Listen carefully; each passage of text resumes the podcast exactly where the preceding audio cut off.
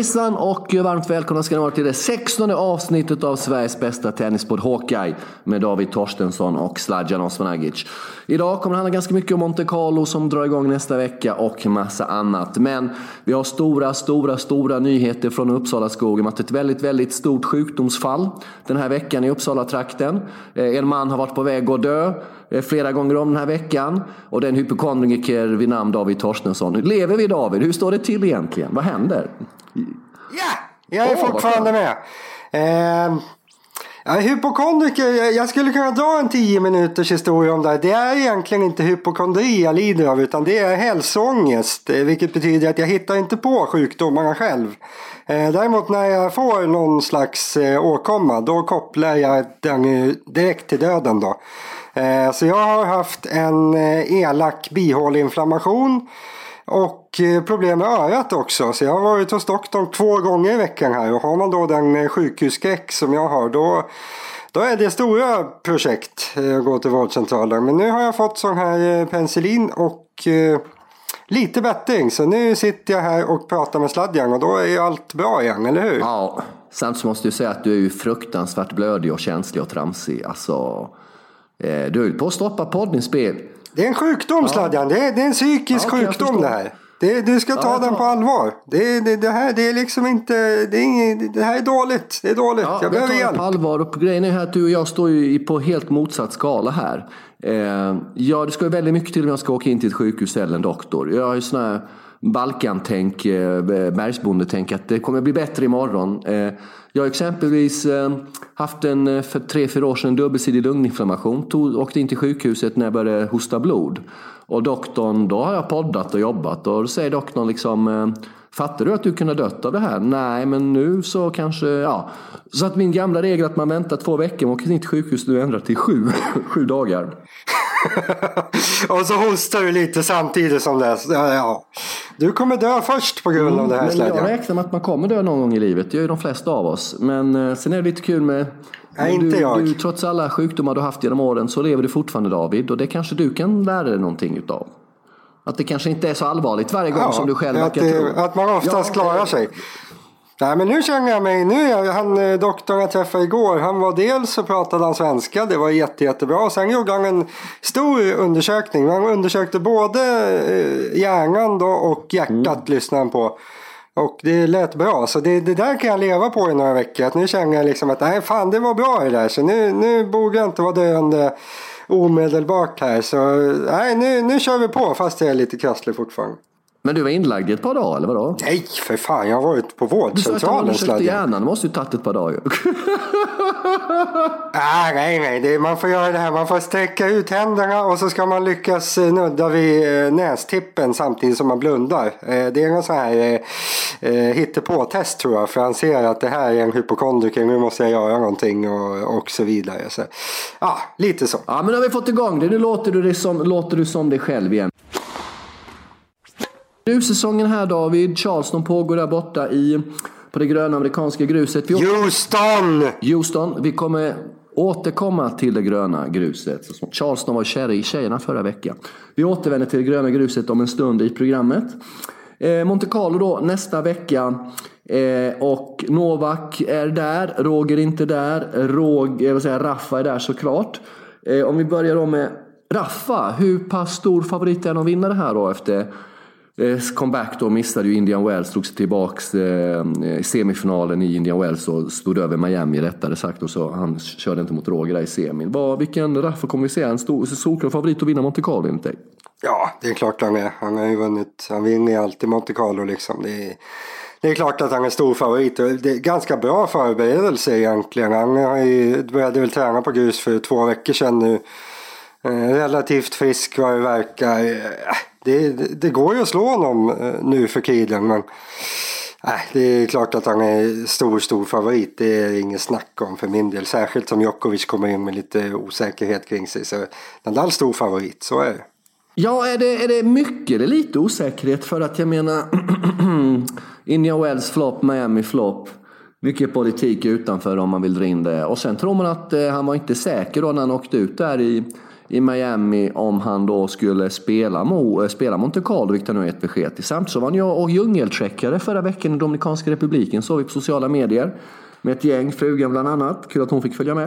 Eh, och la ut massa bilder och sådär. Och, eh, man tycker någonstans att ska ni inte träna lite mer istället för att hålla på och liksom vandra runt och krama träd i djungeln? Alltså är det inte dags att omfördela prioriteringarna? Är det, inte, är det inte lite tvärtom? Att efter den där misären, är det inte precis vad Novak behöver? Att liksom ja, få åka ut i djungeln och krama lite träd. När vi andra har lite motgångar, men då vill man ju kanske åka på en, ja, jag vet inte vad, vad vanliga människor gör, men man åker och super någonstans. Novak åker och kramar några träd i djungeln istället. Och kommer väl tillbaka fräsch nu, kan man hoppas. Eh, träna, ja kanske, jag vet inte. Jag, jag, tror att det här kan vara ganska bra för honom, få en liten nystart. Så hinner han ju träna lite innan säkert. Mm. Och, eh, ja, spela in sig i turneringen, bra framåt finalen, eh, krossa Nadal, kanske. Men utgångsbudet får väl för min del fortfarande att Nadal vinner. Det, så måste det vara. Mm. Vi slår vad. Hur långt tar sig Djokovic till Monte Carlo? Bara du och jag slår vad här och nu. Vad säger du? Kvart, semi, final? Ja, det, det blir, nej, det blir final. Det blir det. Alltså han är, ja, det ska mycket till för att någon ska slå honom. Det tycker jag. Det är Nadal. Eh, så Nej, det blir superfinaler. Jag tycker det. Ja, jag säger att den åker ut i semi bara för att. David, jag är supertaggad åt eh, ja. locket med att du har tagit fram en jättehet lista den här veckan. Berätta vad det är för listor du har tagit fram. Lista? Ja, fan, jag är sjuk Sladjan. Jag har inte gjort någonting. Nej, jag, nej absolut inte. Ingen lista. Nej. Nej! Nej, ingen lista. Jag är Aha. sjuk. Jag behöver inte göra sånt. Jag behöver bara svara på korta enkla frågor. Absolut ingenting mer.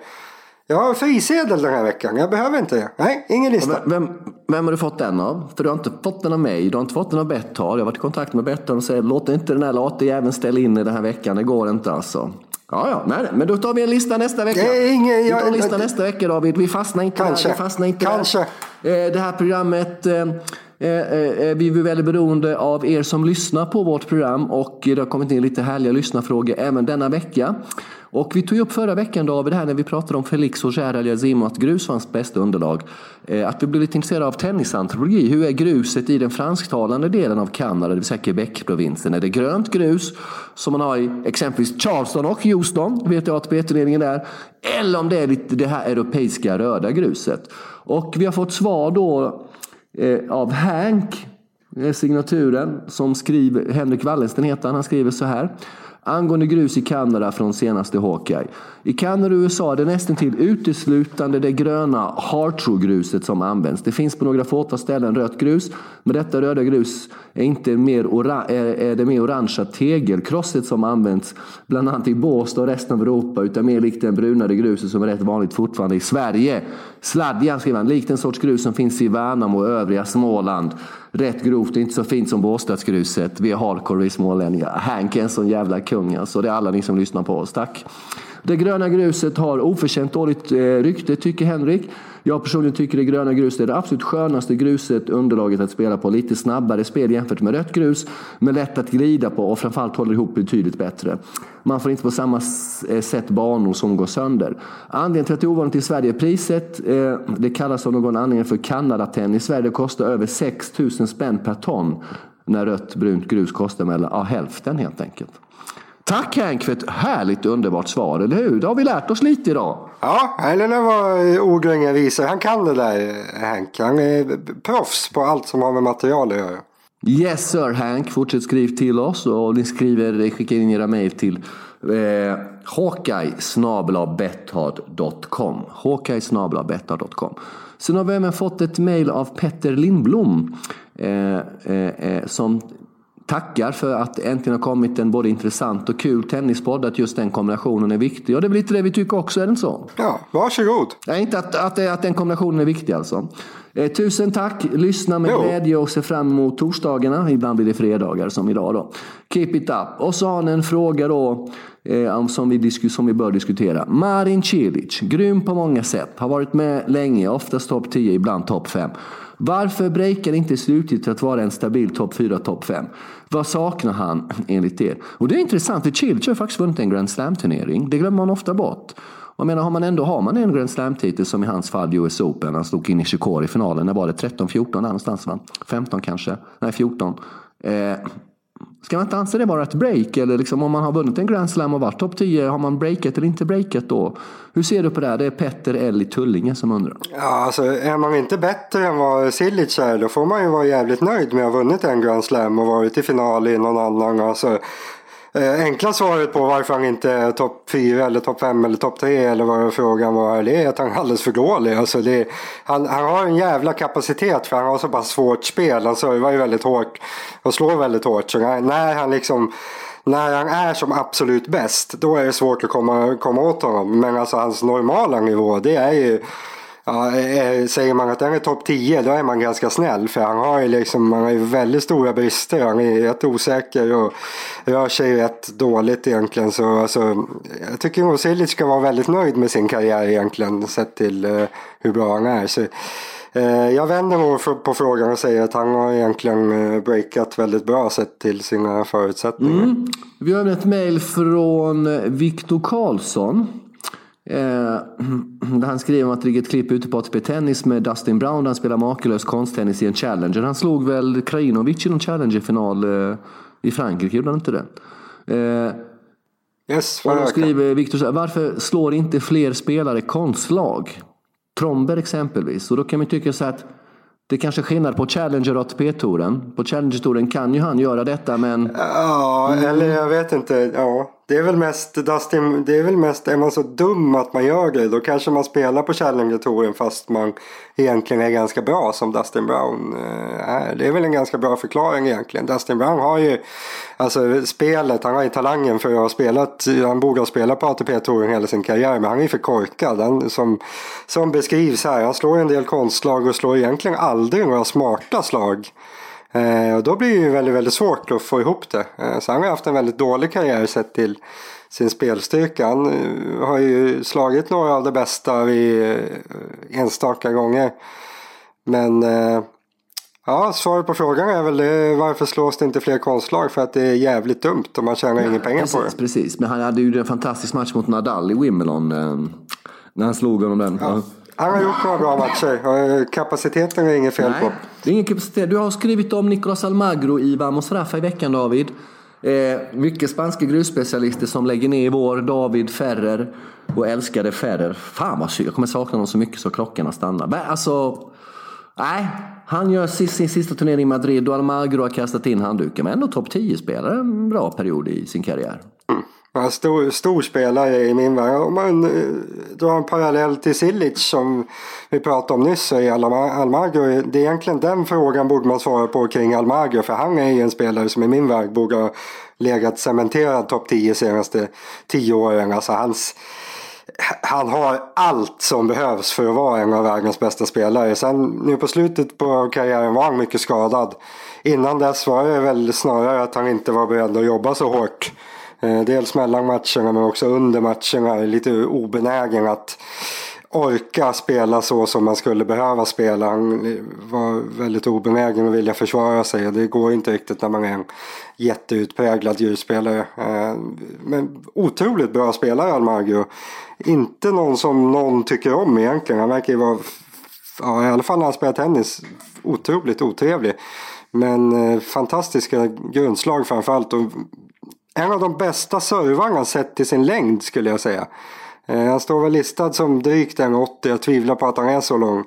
Eh, men ändå liksom, är inte servspecialist men serven verkligen som ett vapen. Eh, så ja, han har ju fallit ifrån senaste åren. Han har inte spelat kontinuerligt på två, tre, fyra år.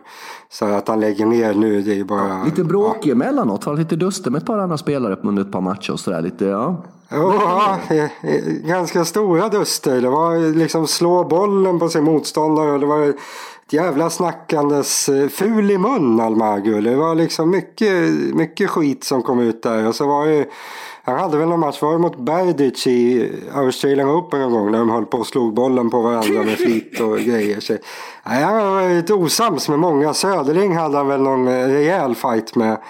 Eh, också, så det kanske var en mindre skräll då. Men han har, liksom, han har lyckats bli osams med sådana som aldrig blir osams med någon annars. Så då är det något som är fel kanske. Han, han har väl haft lite samma inställning som Söderling hade. Att han, han nästan letar folk att bli osams med. Och det gör väl inte att att tennisintresserade människor tycker så mycket om honom. Så jag vet inte, jag, jag känner nog ingen som gillar Almagro och har honom som fa sin favorit. Men trots det så måste man säga att han var otroligt bra. Borde kanske varit ännu kan lite vi bättre. Säga, kan vi säga att Söderling var allt utom en eh, konflikträdd svensk, snarare en konfliktsökande svensk. Och den, han, var inte speciellt populär, på touren när han var som värst Robin, eller hur? Bland de andra spelarna. Nej, det var han inte. Men han, det var ju helt uppe. Han tjatade ju alltid om det där. Att han var inte på touren för att skaffa kompisar och allt vad det var. Jag, jag vet inte, jag tror att det egentligen var lite tvärtom där. Att han, han ville egentligen att folk skulle tycka om honom. Men det, det, han ville liksom inte visa det på något sätt. Det bara blev, blev fel på något sätt från början. Eh, uh, jag, jag vet inte. Det, jag tror inte att han egentligen var så som han som han eh, framställde sig. Det var nog mer det här att han blev lite blockerad när han spelade match och det här jobbet med psyket och allt vad det var. Almagro tror jag mer är att han bara är otrevlig. Ja, okej, okej, okej. ja. Men ja, två, två stökpellar som inte är med längre. Nej, vad har vi för stökpellar kvar nu egentligen? Ja, det finns väl några australiensare Mm, där. Kyrgios, Någon, Kyrgios. Grekettan. Grek, Malaysia, Ja. Kyrgios heter han, just det.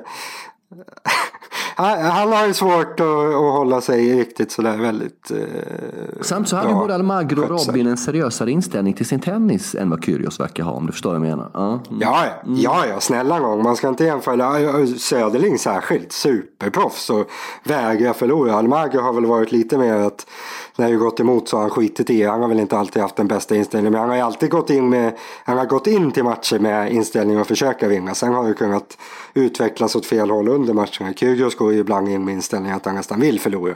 Så där ska man ju inte eh, jämföra. Kyrgios det är ju hundra gånger värre såklart. Eh, Almagro var ju mer att han, han, han blev dum i huvudet när det gick åt fel håll. Du, det har inte blivit så mycket bloggande för i veckan eftersom du legat på dödsbädden, på gränsen till döden då i fyra, fem, sex, sju dagar. Du har legat och svettats hela nätterna. Bihålorna. vad är bihålorna? Vad, vad är bihålorna? Vet du inte vad bihålorna är Sladjan? Vad i helvete?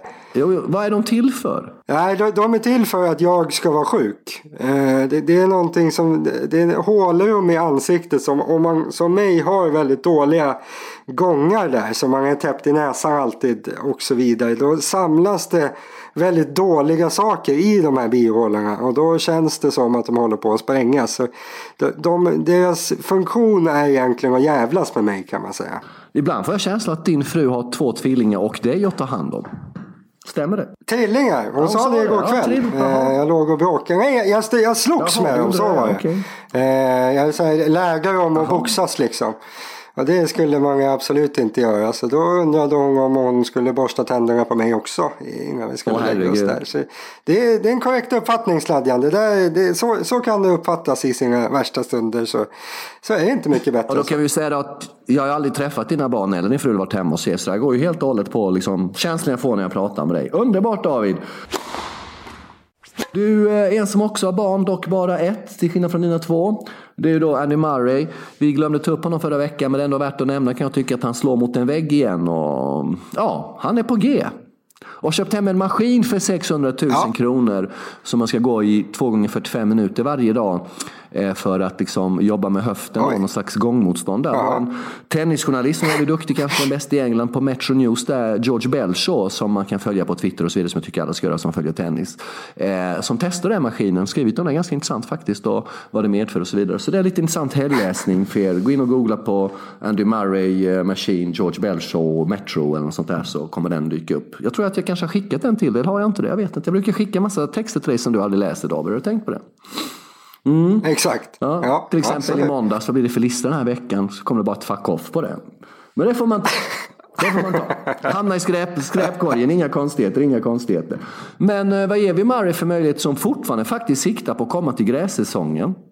Det, alltså det låter lite väl optimistiskt va? Ja, jag vet inte. Det, ja, det låter helt sinnessjukt. Eh, det kommer han inte att göra. Det, jag vet, alltså, det är klart han kan ju komma till start. Men att han skulle vara i någon slags skick för att spela tennis. Han, eh, Nej, nej, det kommer ju inte hända liksom. Så jag vet inte. Det, det, han, han borde ju kanske försöka till nästa säsong om det skulle vara mm. något realistiskt. Eh, men grässäsongen det är ju snart liksom. Han kan ju typ inte gå. Så jag vet inte. Nej men han går ju nu utan smärta. Optimistiskt. Men det är ju jättekul att han, han, han kommer ja. ju försöka. Det är väl det som är grejen. För några månader sedan så var det liksom, man fick gissa sig till. Jag kommer ihåg jag sa, nej men det här är inte sant, han kommer inte sluta, det där var bara ett rop på hjälp. Och nu är det ändå på den nivån. Nu har han erkänt att det var så, fast han inte sagt det öppet kanske, att han kommer att försöka igen. Så vi får ju se om han spelar igen någon gång och det är ju skitkul. Ja, och han har tydligen inga, han har ju inte ont, men han har ju haltat så länge så att det har blivit en del av hans normala gång. Så det ser ju fortfarande ut som att han har ont när han går, fast han har inte ont. Det, är också, det har blivit så invant det där. Nej. Sen, sen är väl frågan hur bra de här nya delarna är. Jag blir alltid lite misstänksam att ja, sådana här eh, robotdelar, de funkar ju för att leva ett normalt liv. Men funkar de för den topprestation som krävs för att elitidrotta? Inte helt säker på det. Det där kan jag lite för lite om. Men min känsla är att han skulle kunna försämras lite fysiskt av dem. Även om han kan eh, liksom ta sig tillbaka och kan spela utan ont och sådär. Så är frågan om han kommer vara riktigt lika eh, smidig och snabb och grejer. Men det får vi se. Kanske får se honom på gräset. Vore kul. Vi får lite koll på Raff under våren. Han har ju då skulle spela Monte Carlo, Barca, Madrid och Rom innan Roland Garros som han gjorde förra året. Vi får se hur hans knä håller där om han kan försvara alla sina pengar från förra året. Dominic Thiem. Är det inte dags för honom här att eh, kliva fram ordentligt? Under grussäsongen menar jag. Det har han väl gjort förut? Ska han kliva fram? Hur långt steg fram ska han ta? kanske vinna, vinna Roland Garros. Han har varit i final nu. Med det går nej. inte. Även, nej, nej, okej, okej, okej. Nej, nej. En halvskadad Raffa. Nej, det tror jag inte. Jag, jag, alltså, jag tror då, det året, det var, var det två år sedan. Han var, förra året var han i final i Madrid och var allmänt bra. Eh, hela grussäsongen också. Eller delar av den i alla fall. Men det var väl två år sedan han var så jävla bra och kändes mm. som liksom en utmanare i Franska öppna. Eh, jag vet inte att han ska lyckas han kliva upp på den nivån och slå Nadal någon gång och går långt i franska. Då har han gjort det extremt bra. Bättre än så är inte team. Alltså jag, jag ser det som helt orealistiskt att han skulle kliva upp och vara bäst. Liksom. Och den säsongen var inte Djokovic med som något hot. Nu kommer Djokovic i alla fall vara med och då blir det tuffare. Och, äh, eh, ligger team och skvalpar där bakom och går långt i Masters-turneringarna och i franska. Fan var nöjd. Vinner han något, eh, någon turnering så är det jättebra. Eh, men kliva upp eh, högen så nej. De två, tre största konkurrenterna till Rafa angående Roland Garros den här våren, vilka är det? Jag skulle säga Timo Djokovic. Håller du med eller tycker du något annat? Djokovic och Federer. Du, Zverev kommer du vända för nu. Vet du varför? För att han torskade mot eh, Jom Monar Nej, igår. för att han har köpt en hundvalp. Vad är det för ja, det var sort? jättesöt alltså. Men så jag gick in och kollade alla kommentarer i hopp om att de skulle mhm. skriva vilken ras det var. Men det står ju inte liksom.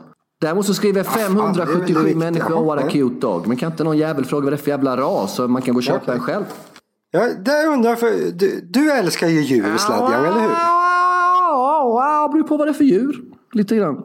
Du, du hatar Nej, ju djur Sladjan, eller hur? Nu, nu, nu. Nej. Nej, men jag har en fråga. Du, du, får, du, får ta, du, du är djurexpert. Vi säger mm. att du är djurexpert nu. Hur löser de här spelarna som har hundar och grejer? Får man bara åka runt med en hund hur som helst i världen? Är det inte karantänsregler och grejer? Ingenting sånt? Finns reglation. Finns, äh, finns ju naturligtvis regleringar.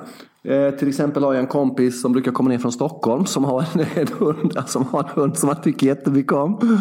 Och jag tycker också jättemycket om hans hund. Hon är fantastisk, hans lilla Nicky.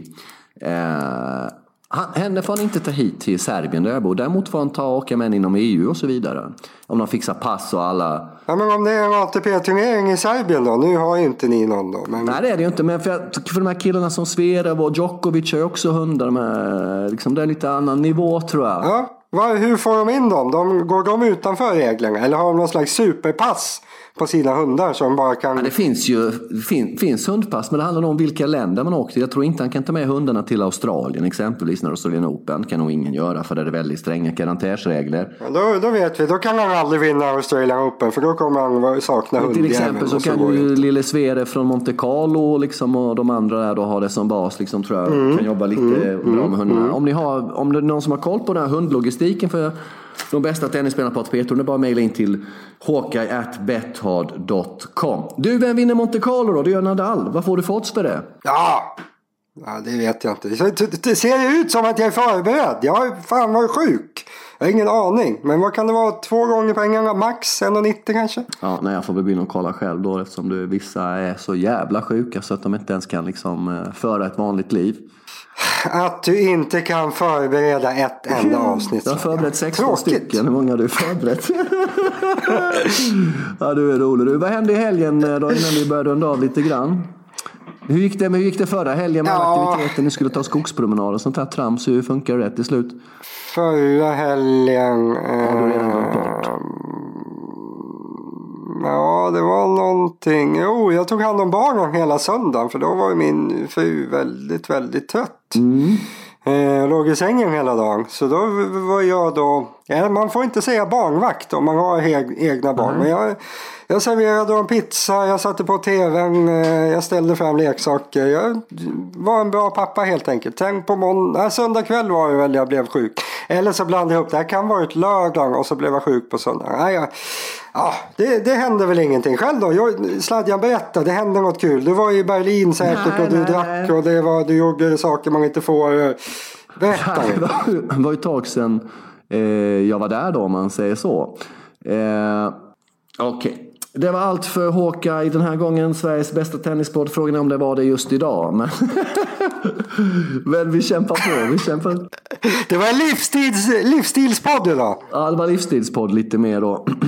David, jag ska hoppas det är ett snabbt tillfriskande över helgen och hoppas att du, att du har lärt dig någonting och att alla gånger du varit sjuk i livet i ditt drygt 30-åriga liv så har du överlevt varje gång. Det kanske kan vara någonting du tar med dig till nästa gång. Ja, det är en lärdom. Vad ska du göra i helgen Sladjan? Berätta, något kul händer i helgen. Säg! Nej, det gör inte det. På söndag... Halv... Men lugn, låt mig berätta för ett jävla gapande. Vet du, på söndag är det halvmaraton. Hela stan avstängd. Inte bra. Och jag bor mitt inne i smeten. Det innebär att man sitter hemma och kollar på tv. Eh, och imorgon är det stora protestdemonstrationer här mot eh, den sittande regeringen så vi vill också till att sitta hemma. Så man liksom inte får någon sten träffad eller arresterad av misstag. Och...